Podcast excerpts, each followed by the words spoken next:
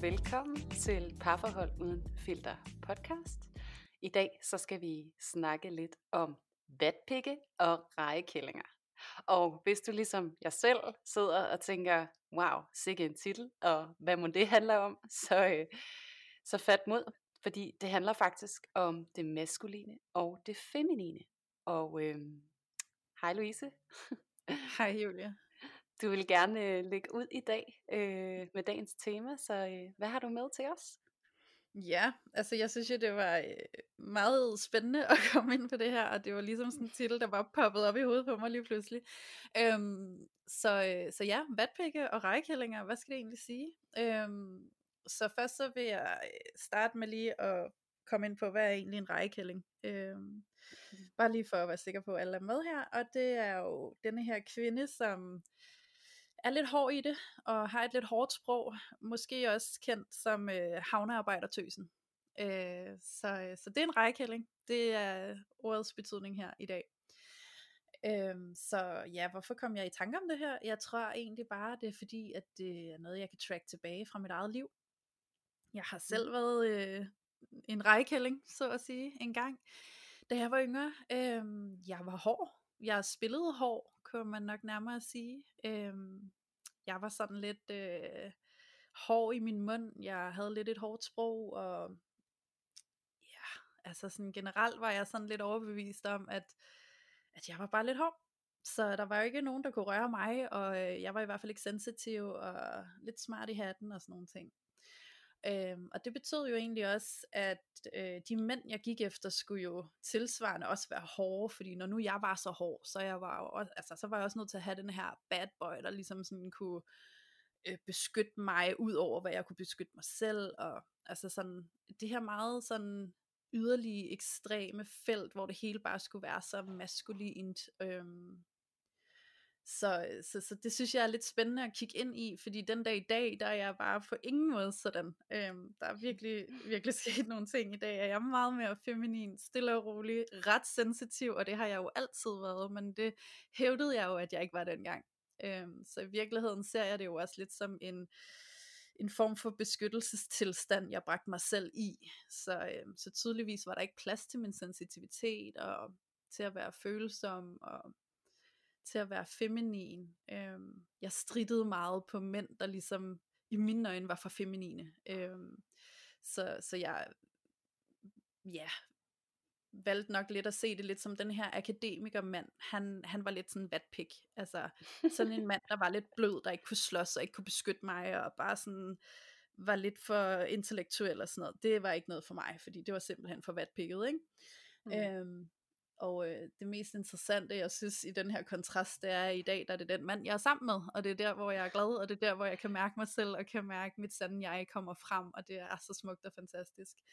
Øhm, og i virkeligheden, så var der så meget råd og ballade med mig dengang, hvor jeg øh, datede de her mænd, der var bad boys, og ja, stereotypen på, på tatoveringer, og sådan lidt hårde, og Oh, ja, så, øhm, så det er ret interessant, og det var det, jeg kunne tænke mig at komme ind på, fordi at jeg ser det meget udbredt i vores samfund, det her med, øhm, med kvinder, der går efter den her hårde bad boy, der kan beskytte dem og passe på dem, og, og hun selv er lidt hård i det. Øhm, det synes jeg er interessant, og jeg ved jo, at du, Julie, øh, har rigtig god faglig viden inden for det her med de maskuline og feminine energier, så, øh, så derfor synes jeg, det kunne være enormt spændende, om du ligesom kunne komme ind under huden på, hvad er det, der sker med mig som kvinde, når jeg på sådan en eller anden øh, påtaget fasong træder ind i den her meget maskuline energi, hvor jeg jo egentlig ikke har det godt, og hvor jeg jo egentlig ikke trives, i stedet for at tillade min feminine energi at være der,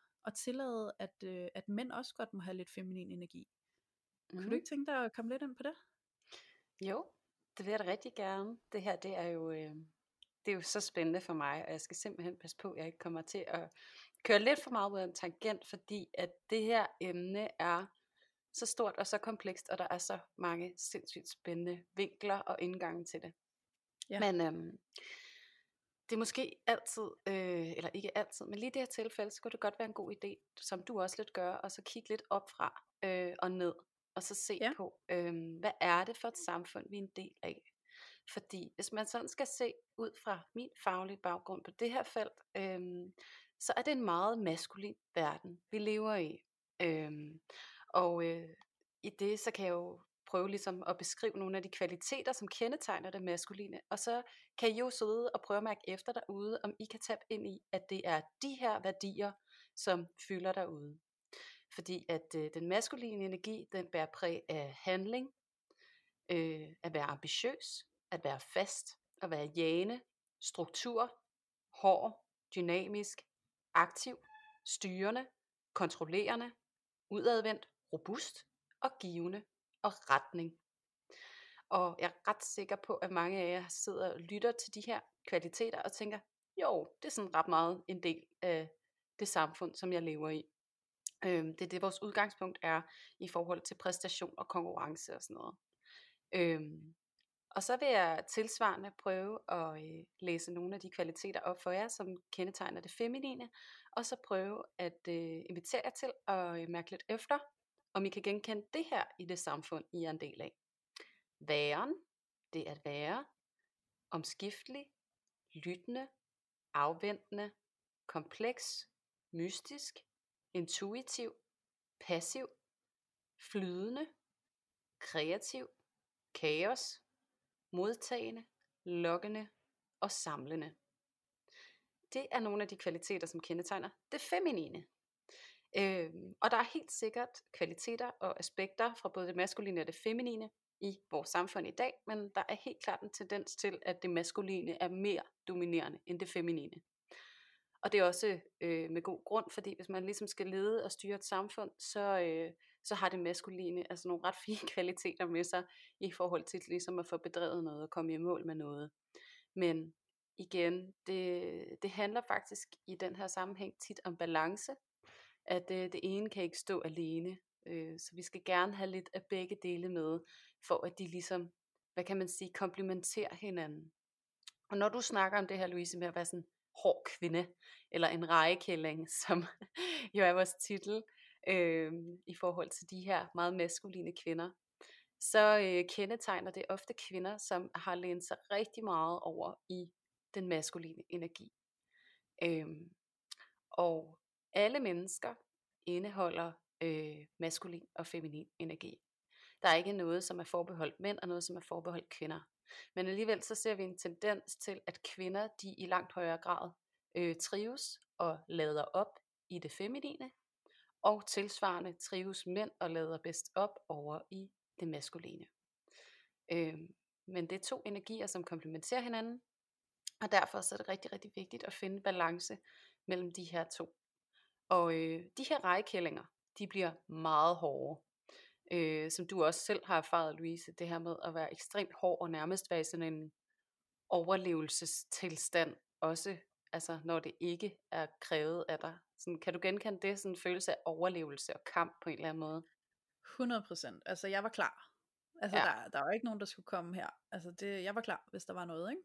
Ja, og ja. det er jo også typisk, altså det kendetegner ofte de kvinder, som øh, har været utrolig modtagelige for den her struktur, de har været en del af, men også inde i dem selv er blevet, hvad kan man sige, fremhævet eller anerkendt for at være i sin maskuline energi.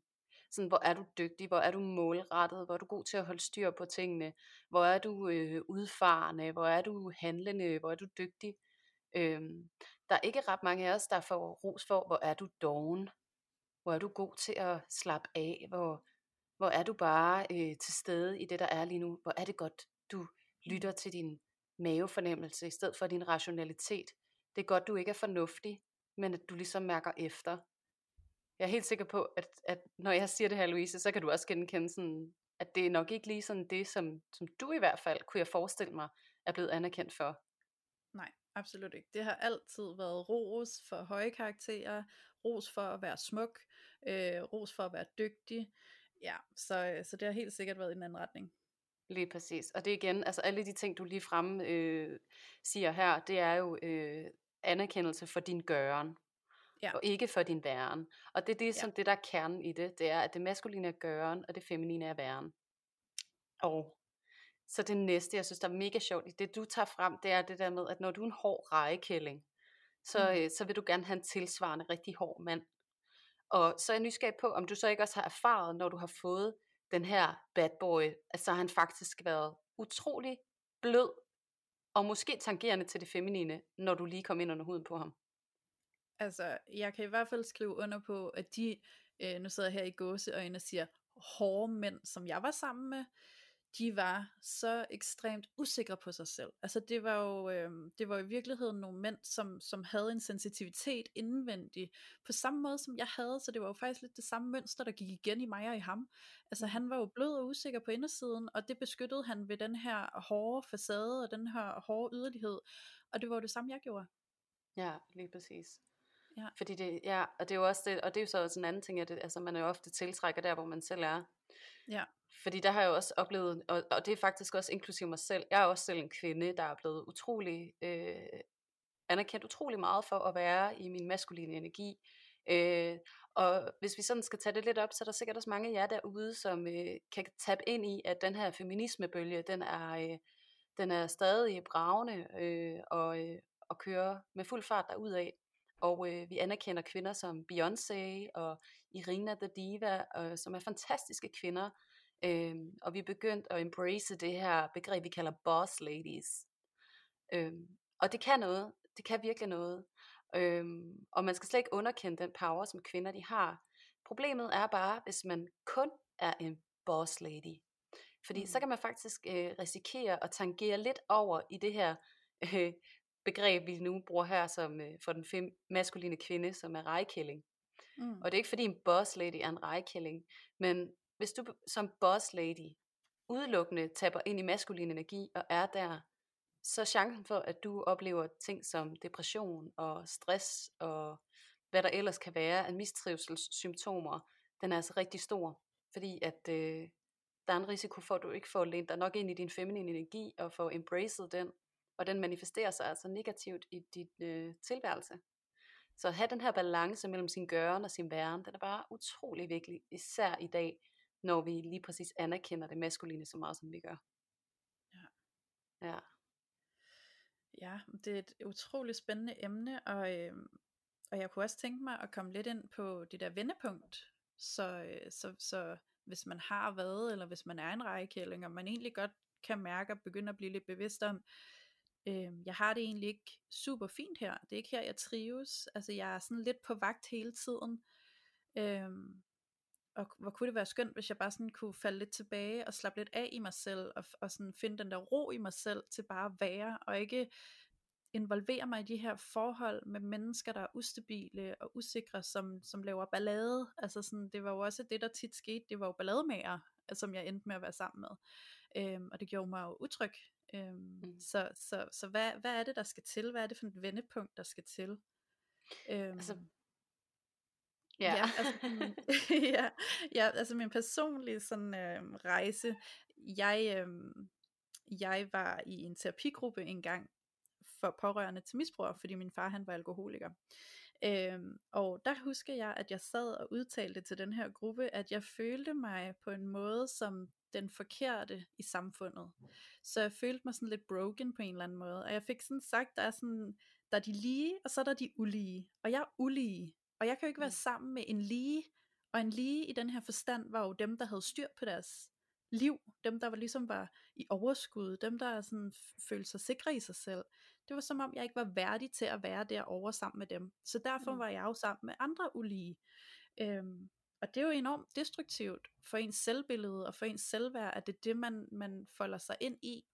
Mm. Så at finde den bevidsthed til overhovedet at opdage, det var det, jeg var i gang med at gøre med mig selv, var jo et første skridt på rejsen hen mod at komme til en, øh, til en anden tilstand i mig selv, med et andet selvværd, hvor jeg ligesom kunne langsomt, det er jo ikke noget, der sker over natten, men, men langsomt bevæge mig hen imod at fjerne mig fra det, der ikke gavnede mig, altså fra det her destruktive forhold med, med, med ballademager og med øh, for mig skidte mænd var det jo, mm. fordi de påvirkede mig skidt, til faktisk at begynde at bløde lidt op for den her mand, jeg ellers havde haft modstand på. Mm. Og faktisk begynde at møde ham, og, og mærke, at okay, så når jeg bliver mere helt i mig selv, og begynder at mærke, at jeg har mit overskud over for mig selv, mit selvværd, og jeg begynder at have lidt mere fred med mig selv, og kan tillade min feminine energi at komme frem, og min sensitivitet må gerne være her, øh, så kunne jeg møde ham, og så kunne jeg se ham med nogle helt andre øjne. Han var ikke længere en vatpik, han var faktisk en enormt stærk mand. Mm. Men den styrke, jeg mødte, var jo også en styrke, jeg selv bragte ind. Ja, helt sikkert. Men det er jo også igen Ja. det, er det der med, med perceptionen af det, sådan hvad det er, du ser. Det er jo også der, hvor du selv kommer fra, ikke? Det er i hvert fald noget af Ja. det, jeg hører, som er vildt interessant. Ja. Også det der med, hvad du egentlig kategoriserer for værende den stærke mand, er ja. Øh, faktisk ofte øh, just for show, og der sker noget helt andet ind bagved. Ja. Og jeg så også, øh, der var sådan en øh, programserie på et tidspunkt på DR, tror jeg det var, med sådan nogle rigtige, du ved, sådan pumpede fyre, som øh, gik i fitness med tatoveringer og tog steroider og rigtig Mm. bad boys, rigtig farlige fyre. Og der er Ja. faktisk en af dem, der selv siger så fint, at øh, det er os, der er allerstørst og mest farlige udenpå, der er allerblødest indeni. Ja. Og, øh, og det tror jeg faktisk, der er noget rigtig fint og noget rigtig ægte i. For jo mere du er nødt til at opruste udenpå, jo mere Mm. garderer du dig også for noget sårbart inde bagved. Ja. Det er jo ligesom at se sådan et panser og sådan et værn. Og når man selv er en rigtig hård kvinde, så, øh, så tiltrækker du formentlig også en rigtig hård mand, som jo så er utrolig blød indeni. Ja. Øhm, og, og det kan jo være svært at være i, når, fordi så kan man jo ikke selv tillade sig at være i det sårbare, fordi igen, det er en balance. Og der Mm. kommer vi omkring et begreb, som øh, hedder polaritet. Mm. Og øh, polaritet, det kan jeg godt lide at beskrive lidt ligesom et batteri. Der er plus, og der er minus. Mm. Plus siden på et batteri, der er sådan en lille tab, der går ud af. Og øh, det er sådan en god måde at huske det på, fordi der kan du let tænke, at det er ligesom mandens penis, og hans kønsorganer, de går også ud af. Og Ja. på minussiden på batteriet, der går der en lille tab indad. Og det er lidt ligesom det kvindelige kønsorgan, som også er indadvendt. Hvor er det Øhm, fint. Ja, det er nemlig sådan en god måde lige at huske det på, hvis man nu ikke lige er kendt i det i forvejen. Ja. Øhm, men vi ved alle sammen med sådan en batteri her, der er spænding. Og øh, for at der er spænding, så er der nemlig en pluspol og en minuspol. Mm. Øhm, så derfor så oplever vi også utrolig stor seksuel tiltrækning, når der er en part, som er rigtig meget over i pluspolen, og en part, som er rigtig meget over i minuspolen. Så derfor, hvis du er sådan en rigtig hård dame, øhm, så er der en tendens til, at du sådan med dit ydre ligger i en pluspol, og i dit indre er i en minuspol. Og det samme gør sig gældende for en mand. Og typisk, øh, når man så kommer ind i det her forhold, og man finder ud af, at vi begge to vi er nogle hårde nødder, men vi er faktisk begge to rigtig bløde indeni, så, øh, så forsvinder polariteten. Fordi at øh, der er ikke den her spænding længere, fordi man ikke er i to yderpoler, men man er faktisk til samme sted. Og der er jeg lidt nysgerrig på, om du kan genkende det. Altså for den gang, at du, mod, altså du tiltrak sådan en rigtig hård nyser af en, af en maskulin mand. Mm. Hvordan var, altså sådan, forsvandt sådan sexdrivet og lysten og sådan noget ind i den relation? Ja, det gjorde det jo, og, og sådan, jeg kommer også sådan til at sådan helt, når du sidder meget billedligt og beskriver det her batteri, og de her spændinger, og den spænding, der opstår inde i dig selv, når du sådan er meget over i plus, men indvendigt er du faktisk meget i minus. Jeg tænker sådan, jeg har lyst til at oversætte det til det, det der skaber drama. Altså det, den der spænding, det er jo dramaet, der opstår, ja. fordi du er ikke i balance i dig selv, tænker jeg. Mm. Øhm, det var i hvert fald det, jeg oplevede, at jeg jo ikke var. Og når jeg så mødte denne her mand, som også var hård, og, eller sådan, det er, jo, det er jo i virkeligheden den her, det her panser, ikke? Altså den her Mm. rustning, der beskytter mig for at være, øh, for at syne svag. Øh, Mm. Hvis jeg tager den her rustning på, så kan jeg beskytte mig selv mod at blive såret af andre, ikke? Ja. Øhm, men, men, men det er jo rigtigt, hvad du siger, fordi når det så kom til stykket, og vi kom tæt på hinanden, så kunne jeg godt mærke, at der er bare ikke det der, jeg havde brug for at læne mig op af. Fordi Mm. han har også brug for at læne sig op af mig nu, og vi er begge Ja. to usikre, og nu bliver der ballade over det. Altså sådan, så, så der skete jo bare automatisk noget drama, fordi vi nok begge to flakkede enormt meget indvendigt. Ja.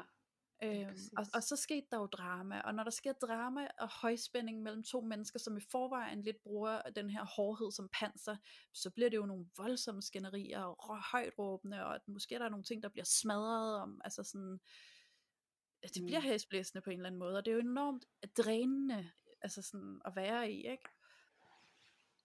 Helt sikkert. Og noget af det, der kendetegner den maskuline energi, det er også aggression. Ja. Så, så, så den er der selvfølgelig også rigtig meget af. Også fordi, at, at det er jo en usund maskulinitet, som I begge to portrætterer, fordi du jo ikke har balanceret dig over i dit feminine, og han ikke har balanceret sig over i sit feminine heller. Så derfor så bliver den maskuline energi utrolig, hvad kan man, jeg vil sige, umoden nærmest, ikke? Mm. Jo. Og når den, den fremtræder sådan ret umoden, så kommer den ofte til udtryk som noget aggression. Ja. Og sådan noget panser og noget beskyttende. Sådan, det kan, I sådan en overdreven forstand, ikke? Jo. Og så tænker jeg sådan, nu, nu kan jeg se sådan, altså tiden går, og det er bare så spændende, at vi har så meget snak om. men Ja. jeg synes også, det er vigtigt, nu har vi snakket meget om de her rejkællinger, sådan, men, men lad os sådan vende, hvad er, det, hvad er det så med de her vatpikke? Og, og når jeg siger det her med, at kvinder de vokser op og skal være boss ladies, og feminisme bare buller der ud af, og sådan noget, hvad betyder det for mændene?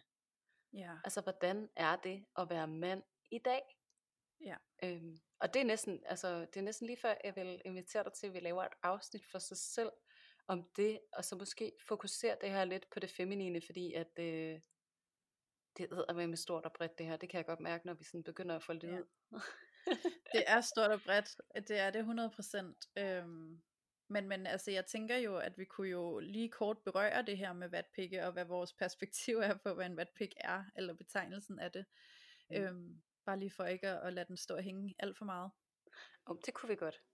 Ja. Øhm, men altså, ja, det, altså for mig at se, så handler det jo meget om, at øh, mænd i lang tid, også efter kvinderne begyndte at komme på arbejdsmarkedet, øhm, og kvinder ligesom fik en stemme og fik en rolle i samfundet, som skulle være meget selvstændig, og der var ligesom en social konsensus om, at det skulle vi fremelske, den her Mm. proces.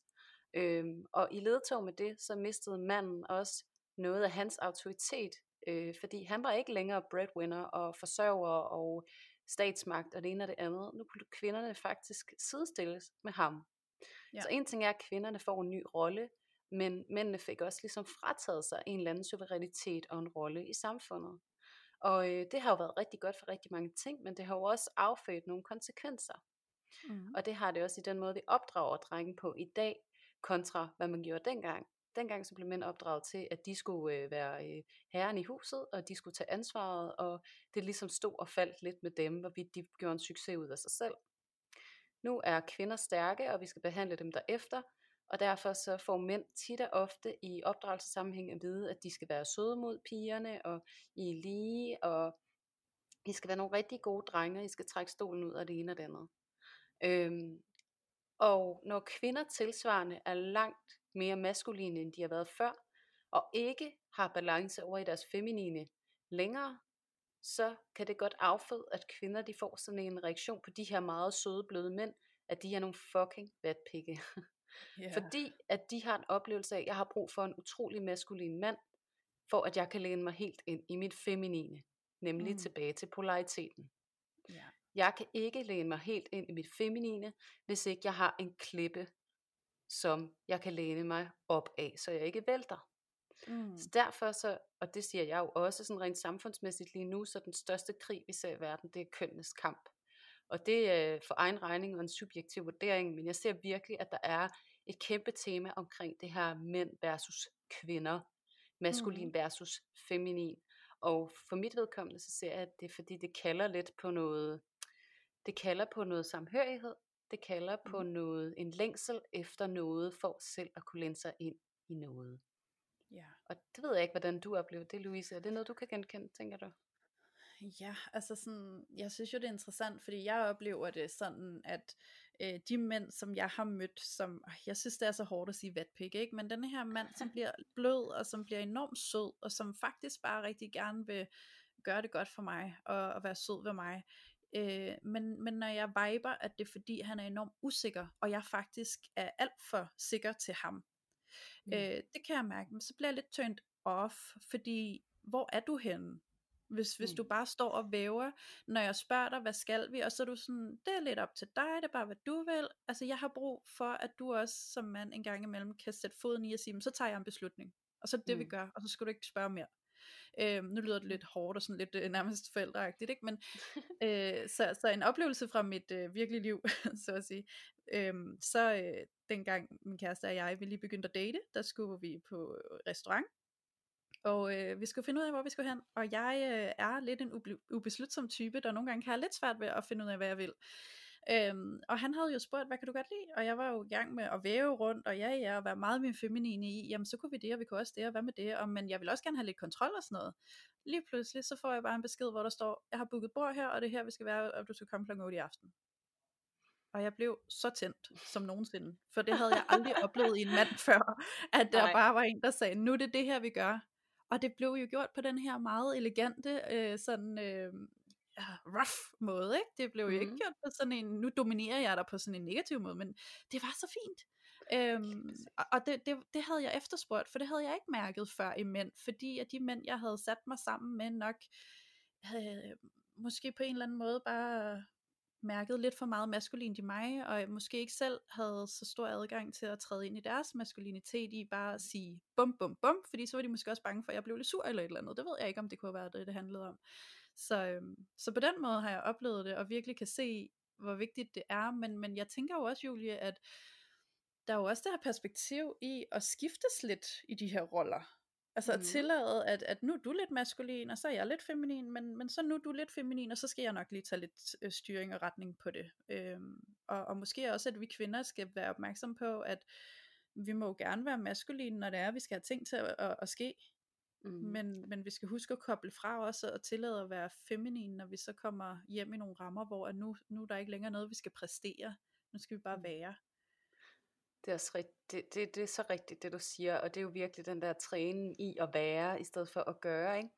Mm. Og det Mhm. er mand som kvinde, at det er, øh, det er noget, vi er utrolig udfordret på, og noget, vi har utroligt svært ved i dag. Fordi at der er rigtig mange stemmer omkring os, de altid opfordrer os til at gøre en hel masse. Ja. Øhm, men samtidig så ser vi også, at der er den her modbølge med, at øh, nu skal vi meditere, og vi skal lave yoga og mindfulness, og det er jo også sådan, man kan sige, det er jo et symptom på alt den her gøren, den ligesom er nødt til at manifestere sig over i noget værende, også for at det andet kan lade sig gøre, ikke?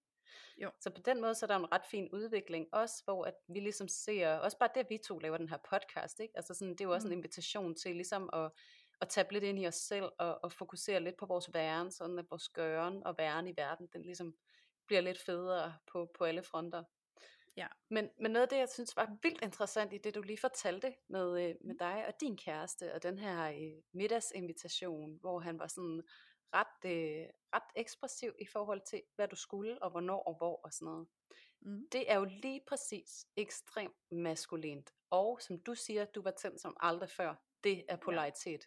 Han Ja. sender ikke en invitation til en restaurant, han sender en invitation til, at du læner dig ind i det feminine, og han tager Ja. styringen. Mm. Og det er bare så fint beskrevet lige i den situation, fordi det er faktisk lige præcis det, det handler om, og det er i det små. Og der skal vi som kvinder også være bedre til ligesom at afgive suverænitet og sige, jeg har brug for ikke at gøre. På lørdag, så vil jeg ikke gøre noget. Jeg har brug for at være, og jeg vil elske, hvis du tog styringen, og jeg inviterer dig til, at du tager beslutninger og fortæller mig, hvad vi skal. Det vil jeg bare ja. synes var helt vildt lækkert. Og Ja. det, man, kan jo, altså, man kan jo vælge, hvorvidt, altså i hvor vid udstrækning, det kan være, at han bestemmer, hvad man skal have til aftensmad. Det kan også være, at han bestemmer en aktivitet, I skal lave. Det kan være, at I beslutter jer for, at fra I slår øjnene op om morgenen, så er det faktisk ham, der er konge for en dag, og Mm. kan fortælle dig, hvad for noget tøj du skal tage på, og hvad I skal, og hvornår I skal, og hvordan det skal være. Og det er jo også et spørgsmål om, hvor man er med hinanden, og sådan, om det er det, der ligesom er adgang til. Men det er også bare for at sådan sætte det lidt på spidsen i forhold til, hvordan vi sådan helt lavpraktisk kan øve os på at læne os ind i det maskuline og det feminine. Og Ja. tilsvarende, hvis der er en mand, der er ekstremt maskulin, og måske også har brug for at læne sig ind i sit feminine, for det har han jo også brug for, så kan man jo Mm. også lave den vice versa, øh, hvor man siger, at kvinden, hun er konge for en dag, og ligesom ja. invitere ham til at læne sig ind i sit feminine, så vi igen får den der balance, som er så vigtig for, at, øh, at man trives i det. Ja, og den der balance er jo spændende, og jeg synes egentlig også, den er sådan lidt øh, øh, hårfin til, man skal virkelig være opmærksom på, at det ikke bliver på en øh, dårlig måde. Altså fordi jeg kan også mærke, at jeg kommer sådan lidt i, i kontakt med, om de her mænd kan, kan komme til at føle et eller andet pres i, sådan, åh, oh, okay, så nu skal jeg være, øh, sådan, ikke hård, men nu skal jeg være sådan maskulin, og nu skal jeg ligesom tage beslutningerne, og ligesom bare tage min kvinde og sige, nu det er det her, vi gør, og sådan noget, ikke? Det skal jo også komme indenfra på en eller anden måde, altså han skal jo føle en, en altså han skal jo være komfortabel med det, det skal jo være på en, en god måde, så det ikke bliver påduttet og bliver et pres for ham. Mm. Øhm, og, og ligeledes for, for kvinder, der måske er vant til at være meget i styring, det kan jo være virkelig sådan angstprovokerende nærmest at skulle give slip på den kontrol, og, mm. og skulle overgive sig til, okay, så nu, nu skal jeg egentlig bare flyde lidt med her. Øhm, mm.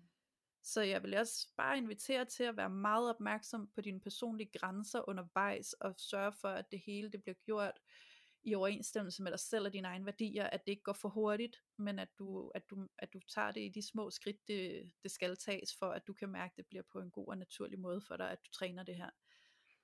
Ja, 100 procent. Jeg, jeg er så meget med dig. Det er altid vigtigt, at, øh, at det du vælger at gøre, det som I vælger at gøre i jeres parforhold, er i overensstemmelse med, hvem I er og hvor I er. Ja. Det skal ikke, øh, der er ikke nogen, der, skal, der er ude på at grænseoverskride hinanden på den måde, men igen, så kan jeg også godt, og det, det, det får jeg altid lyst til, også igen, sådan, nu fjerner vi filteret her lidt, og, sådan, og løfter det mm. lidt op i helikopteren, ikke? Jo. Øhm, og der kan man altså også godt se samfundsmæssigt, at kvinder, især unge kvinder, har aldrig mistrives i så stor grad, som de gør det i dag. Kvinder bukker under som aldrig før for stress og depression og det ene og det andet. Mm. Og, og i et tidligere afsnit, der, øh, der, der refererede jeg lidt til den her med, at det skulle være 100% alle steder.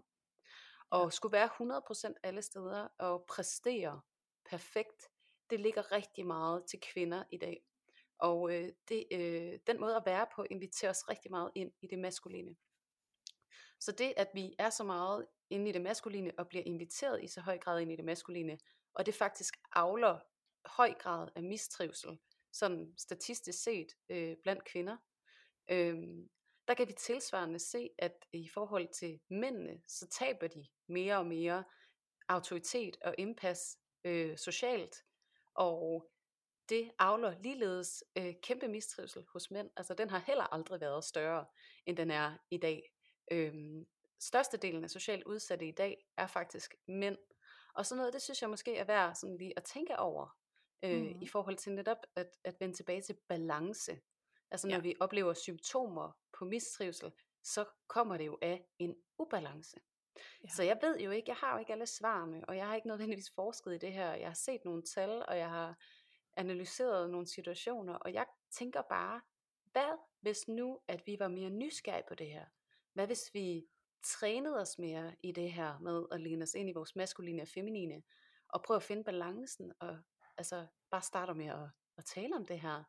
Hvad, ja. hvad, hvad kunne det få? Hvad kunne det sætte af aftryk på øh, mænd og kvinders trivsel? Øhm, og så er der sådan noget gender fluidity, og der er jo sådan rigtig mange nye gender øh, categorizations, og sådan noget, som man også skal tage højde for, øhm, når jeg snakker om mænd og kvinder, for det kan godt lyde lidt generaliserende. Men, men der er det også vigtigt for mig at understrege det her med, at, at både mænd som kvinder indeholder maskulin og feminin energi. Øhm, mm. Og det handler om, at, at du i dig selv finder et lejde, hvor du mærker, at øh, du genererer energi, i stedet for at du bliver drænet for energi. Ja. Fordi hvis du mærker, at du genererer energi inde i dig, så har du formentlig fundet din balance for din maskuline og din feminine energi. Så det er sådan, bare lige, jeg tænker, det er vigtigt lige at tage med, så jeg ikke sidder og siger, at mænd skal være over i det maskuline, og kvinder skal være i det feminine. Men jeg siger, at der er en tendens til, at kvinder i højere grad lader op i det feminine, og mænd i højere grad lader op i det maskuline.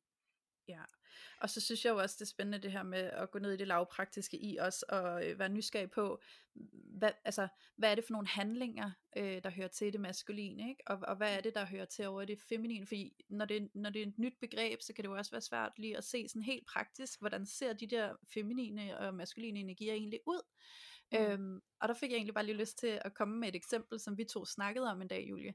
Mm. Øhm, det her med sådan, okay, så nu kvinderne er jo også på arbejdsmarkedet, og det har vi været i mange år nu, og vi er på hele dagen, og vi er nok meget i vores maskuline felt i løbet af dagen øh, på arbejdet, og så kommer vi måske hjem, og så er det øh, stadig lidt øh, tilbage fra nogle gamle kønsroller, måske kvinden, der handler ind og laver aftensmad og tager opvasken og sørger for det hele derhjemme. Så der er hun jo faktisk også meget i det maskuline, selvom jeg tror, der er mange, der ser det som værende noget feminint, at man er den, der står for husholdningen. Mm. Og, øh, og det der med at invitere til, at mænd kan måske føle sig feminine, hvis de lige pludselig er dem, der står for, for husholdningen, men faktisk er der en meget maskulin energi i at gribe den og sige, vil du hvad skat, sæt du dig bare lige og tag den med ro, og så sørger jeg for, at der kommer mad på bordet i aften. Lige præcis. Ej, det er så godt, ja. du tager det der med, fordi det er så sindssygt vigtigt. Ja. Lige præcis det der med, at jeg tror, vi snakkede om det, der var det sådan lidt, hvordan tager man opvasken på en maskulin måde. Altså, ja. Og, ja. og det kan jo være lidt den der med, at, at, at også igen for at tage det hjem, og lidt i vores eget parforhold, altså, der min øh, kæreste, han har for inden øh, vi fandt sammen, der har han været single i fem år. Ja. Og det betyder så også, at han øh, har skulle løse mange af de her huslige opgaver selv. Og øh, det betyder, at øh, vi faktisk konfliktede lidt i starten om, jeg, at jeg skulle vaske hans tøj. Øhm, mm. Det synes han var lidt træls, fordi at det vil han gerne, han vil gerne selv kunne tage sig af de ting. Øhm, så på den måde, så har vi, øh, og det er jo ikke alle, der har det, men vi har egentlig fundet en fin balance i det.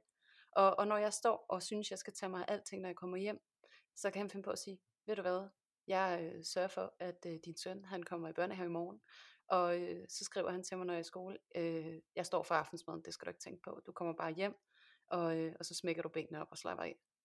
Ja. Og, øh, og, og bare de små ting, ikke? Altså, så det kan jo godt være, at han står med forklæde på og vasker op og laver mad, men det er jo utrolig maskulin måde at gøre det på. Ja. Det er det der med at altså, tage jeg styring. Jeg synes, det lyder helt sexet, sådan som du beskriver det, ikke? ikke Altså, det er bare at tage ja. styring og vise handlekraft og, og bare gøre, ikke? Det, det er mm. det, der mm. gør det maskulint. Og så er det faktisk lidt ligegyldigt, hvad det er, du laver. Det er måden, du ja. gør det på. Ja, fordi en kvinde kan jo også være den, der står for madlavning og opvask på en feminin måde, fordi det er meget omsorgsfuldt. Altså, så det kan jo virkelig være den samme handling, men den kan udføres med forskellige energier, ikke? Lige præcis. Ja. Fedt, Ej. Julie. Ja, så, nu er vi simpelthen nødt til at runde af. ja, det er vi. Så ja. det var vildt spændende at komme ind omkring, og jeg håber, I alle sammen derude kan genkende jer selv i noget af det. Det er jeg sikker på, I kan, fordi det ligger i os alle sammen. Mm. Øhm, og det kunne være mega spændende også at høre fra jer, hvor I genkender jer selv. Hvad for nogle oplevelser har I haft, hvor I kan se, at det her maskuline og feminine energifelt det er på spil. Øhm, så hop endelig ind på vores Instagram-profil, øh, parforhold uden filter, un- underscore podcast hedder den. Og, mm. så, øhm, og så skriv lige en kommentar under vores opslag omkring, hvor du har oplevet det her i dit eget liv. Det kunne være så spændende at høre fra dig. Ja, det vil vi helt ja. vildt gerne. Og ligeledes, nu gør vi det også i vores forrige afsnit, og øh, nu gør jeg det lige igen. Inviterer jeg ind i vores loge på Facebook, og vi har tilsvarende også en parforhold uden filter podcast side på Facebook af samme navn som på vores Instagram. Og øh, hvis I melder jer ind i den her gruppe, så øh, kan I skrive med os og med de andre medlemmer af logen øh, hvilke erfaringer og oplevelser I har med det her tema, og generelt med de temaer, vi har i podcasten, og alt andet, der ligger uden for det, som relaterer sig til jeres parforhold. Så øh, I er super velkommen, og jeg vil virkelig opfordre jer til at komme ind og være en del af det her community, og fjerne filteret fra parforholdet sammen med os. Ja, lige præcis. Det er en invitation til din egen udvikling. Yes. Ja, fedt. Ja. Men uh, tusind tak, Julie. Det har været virkelig spændende i dag. Jamen selv tak, og det har det, det, har det virkelig. Jeg har så meget ja. mere på hjertet. Nu må vi se, ja. om der kommer en mere. Ja, præcis. Må ikke. Ja. Men uh, så vil jeg sige tak for i dag. Ja, selv tak. Mm, det gør der. Vi ses. Det gør vi. Hej. Hej.